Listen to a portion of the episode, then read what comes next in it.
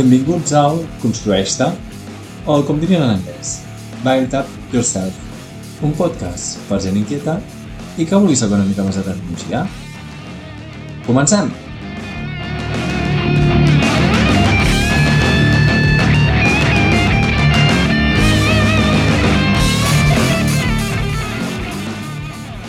Hola, hola, hola! Sigueu molt benvinguts al primer podcast del Construeix-te, és un projecte que tot just iniciem. Doncs, Daniel Garcia, que us saluda, eh, enginyer d'obres públiques i ara professor de secundària, però que em va de la mà de molts amics que també ha, i amigues que han triat el camí de la tecnologia, de l'enginyeria, de l'arquitectura, una mica de la ciència aplicada la seva part tant professional com personal i aquest vol ser un espai una mica per, per donar a conèixer totes aquestes persones, per donar a conèixer la feina que fan, però també el, les novetats que hi ha en el món tecnològic, eh, fer una mica de crítica sobre ell, tant positiva com negativa, perquè tenim els dos vessants i sobretot un espai també on podeu veure la vostra i veure què són aquells temes que us són de més interès i per tant que en podem parlar.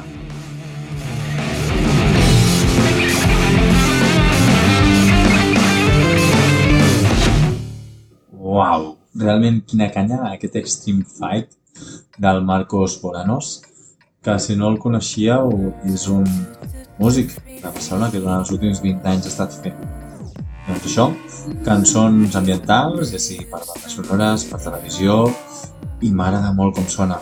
Uh, L'he descobert en, una, en un dels espais de biblioteques digitals, on uns autors pengen doncs, la seva música gratuïtament. Un dia en parlarem d'aquestes biblioteques, tant d'imatges com de vídeos, com de música, perquè són molt interessants i almenys doncs, donem a conèixer aquesta gent que ens està seguint les seves obres a canvi de que els, això, de que els difonguem, que demostrem el bons que són. I per què no? Doncs quan eh, sí que una obra doncs, ens demanen de veure si que en un concert o, o doncs, baixant-la i consumint-la, també ho podem fer. Així que Marcos, aquí el nostre petit homenatge. Bé, llavors punxaré una cançó que lliga amb la primera que volem parlar del programa d'avui, i és que no sé si esteu al cas del que és la cultura maker.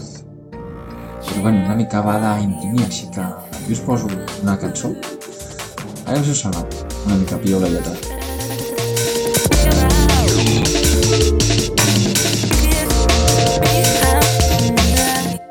Doncs aquesta cançó que mantenim de fons és del grup Agef Delay i es diu Print.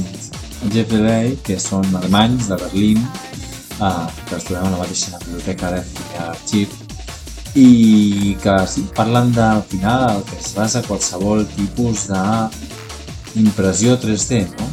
que no és un altre que obtenir eh, sòlids en tres dimensions, doncs en base a tres maneres de funcionar quals parlarem una mica més endavant, però que sempre tenen aquesta màgia, no? de partir d'un material d'una forma molt diferent a la que voleu tenir nosaltres, doncs podem dissenyar gairebé qualsevol cosa i el que és més interessant, la podem dissenyar moltes vegades nosaltres mateixos, nosaltres mateixos la podem crear i per tant obtenir uns resultats que abans eren industrials doncs a casa nostra i realment amb unes propietats sorprenents. I és que moltes vegades associem doncs, la impressora 3D simplement a, a fer doncs, objectes de plàstic poc resistents de qualsevol forma. Però l'impressió en 3D es fa doncs, des de titani fins a formigó, és a dir, realment se'ns escapa una mica quins són els límits actuals d'aquesta tecnologia i sobretot quins seran els límits que tindrà en futur.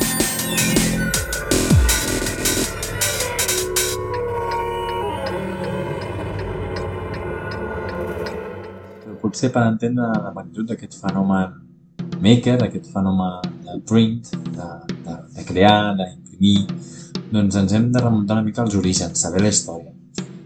Bé, per començar, ens hauríem de remuntar cap a l'any 1976 i ens hauríem d'anar a un altre continent.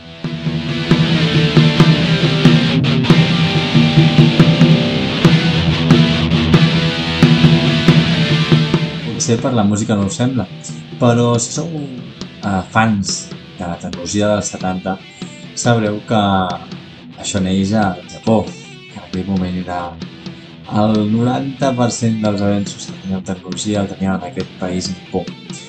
Ja en aquell moment veiem com neixen les dues grans famílies per poder crear eh, cossos tridimensionals a partir de l'edició, és a dir, comencem d'una placa base sobre la que anem afegint material que a poc a poc va donant la forma desitjada, o tot el contrari, amb un làser el que fem és curar, és a dir, endurir uh, un cert material, per exemple un polímer, és a dir, un plàstic, i després netegem el sobrant per aconseguir que només ens quedi aquesta peça endurida.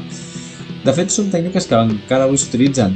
Eh, una, per exemple, la podem trobar en les impressores que està desenvolupant HP per poder utilitzar aquest, aquest procés de forma industrial i en canvi l'altre seria el que trobaríem més doncs, en les cases eh, el que serien més les impressores 3D tal com les coneixem i que podeu veure també als instituts.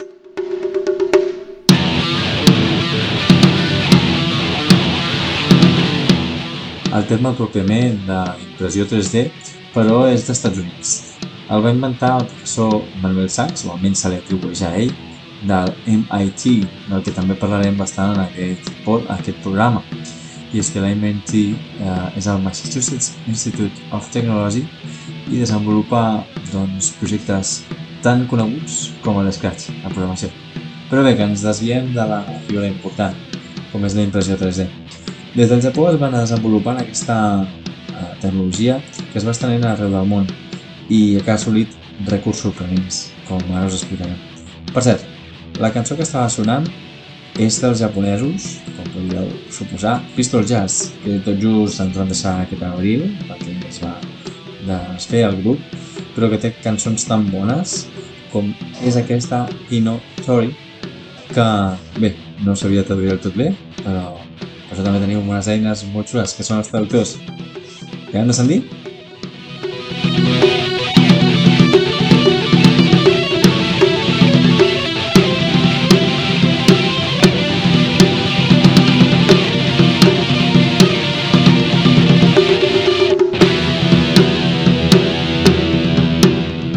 Jazz, certesa que la sorprès que utilitzen aquest nou jazz, perquè són una banda molt clàssica de rock, amb guitarra, baix i, i també la bateria. Uh, com semblava clàssic que en el moment en què Toyama, el primer desenvolupador de la impressió 3D, doncs anés a tenir èxit i no el va tenir. No us explicarem històries d'èxit de la impressió 3D, però és curiós assenyalar que el seu creador precisament va haver de deixar el projecte per falta de fons, no?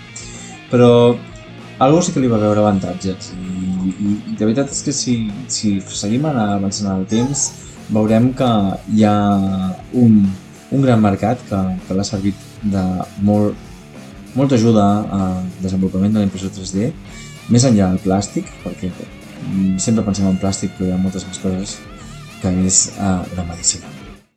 Doctor? Doctor? Doctor? Doctor? Doctor? Doctor? Doctor? Doctor? Doctor? Doctor? Doctor? Doctor? Doctor? Doctor? And Doctor. I és que ens pot semblar que els materials amb què imprimeix un dispositiu 3D eh, estan molt allunyats de què són els teixits humans, però res més lluny de la veritat. Eh, de fet, des del 99 ja s'estan fent proves. El 99 es va aconseguir doncs, fer una bufeta urinària que, que era plenament operativa i el mateix grup del Wake Forest, de medicina regenerativa, va aconseguir en 2002 un, un rinyó 3D que funcionava, un ronyó, disculpeu, un 3D que funcionava ple rendiment, que filtrava orina d'animals. Um, però bé, podríem dir, això encara eren materials sintètics, però és que des de 2009 existeixen les impressions a partir de cèl·lules uh, eh, doncs, ja plenament com les humanes, es denomina la bioimpressió, que ens permeten doncs, de crear des de vasos sanguinis fins a òrgans complets eh, o també la generació doncs, d'estructures eh, òssies, eh, en aquest cas el gros eh, simula moltes vegades amb titani, eh, que ens permeten fer doncs des de 2012, implants sencers de pròtesis de mandíbula. És a dir, realment la, la capacitat de regenerar el nostre cos és, no direm infinita, però, però molt gran. I ja no només això, sinó que el fet que la medicina utilitzi impressió 3D moltes vegades és per poder eh, seguir avançant en aspectes com la microcirurgia.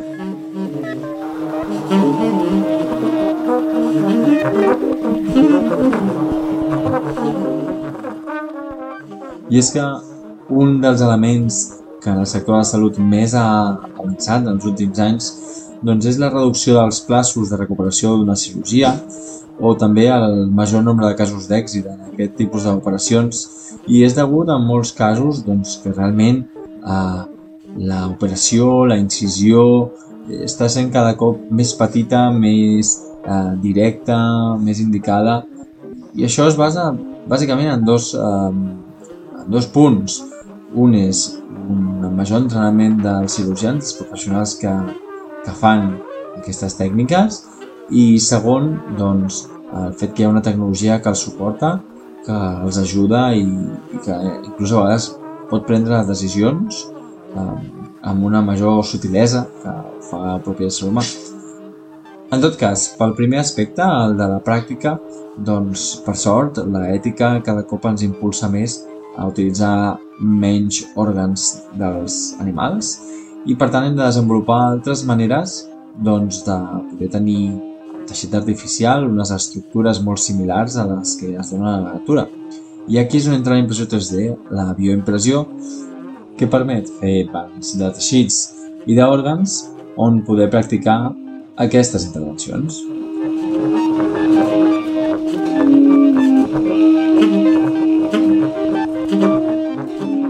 Però bé, potser dieu, Dani, no m'expliquis sopars de Com està la impressió 3D a dies d'avui? Doncs us diré que realment 2021 i inclús 2020 ha sigut un bon any per l'impressió 3D. Sense més lluny, la pròpia sector sanitari doncs, ha sigut un gran demandant de les estructures 3D, ja que davant la falta de subministres, curiosament, no d'estar al continent asiàtic, doncs han trobat en la generació per edició una bona manera de tenir aquest material mèdic que d'altres maneres no hagués arribat i que era plenament necessari. Ventiladors, provetes, aquells objectes que en demanda eren més difícils posar.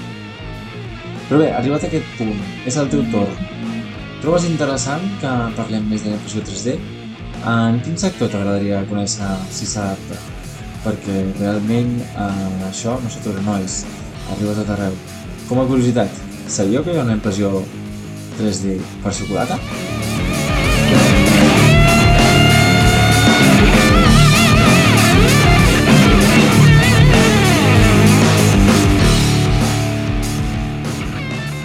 i estem arribant a la part final del podcast d'avui, Builder. En primer lloc, agrair-te l'escolta.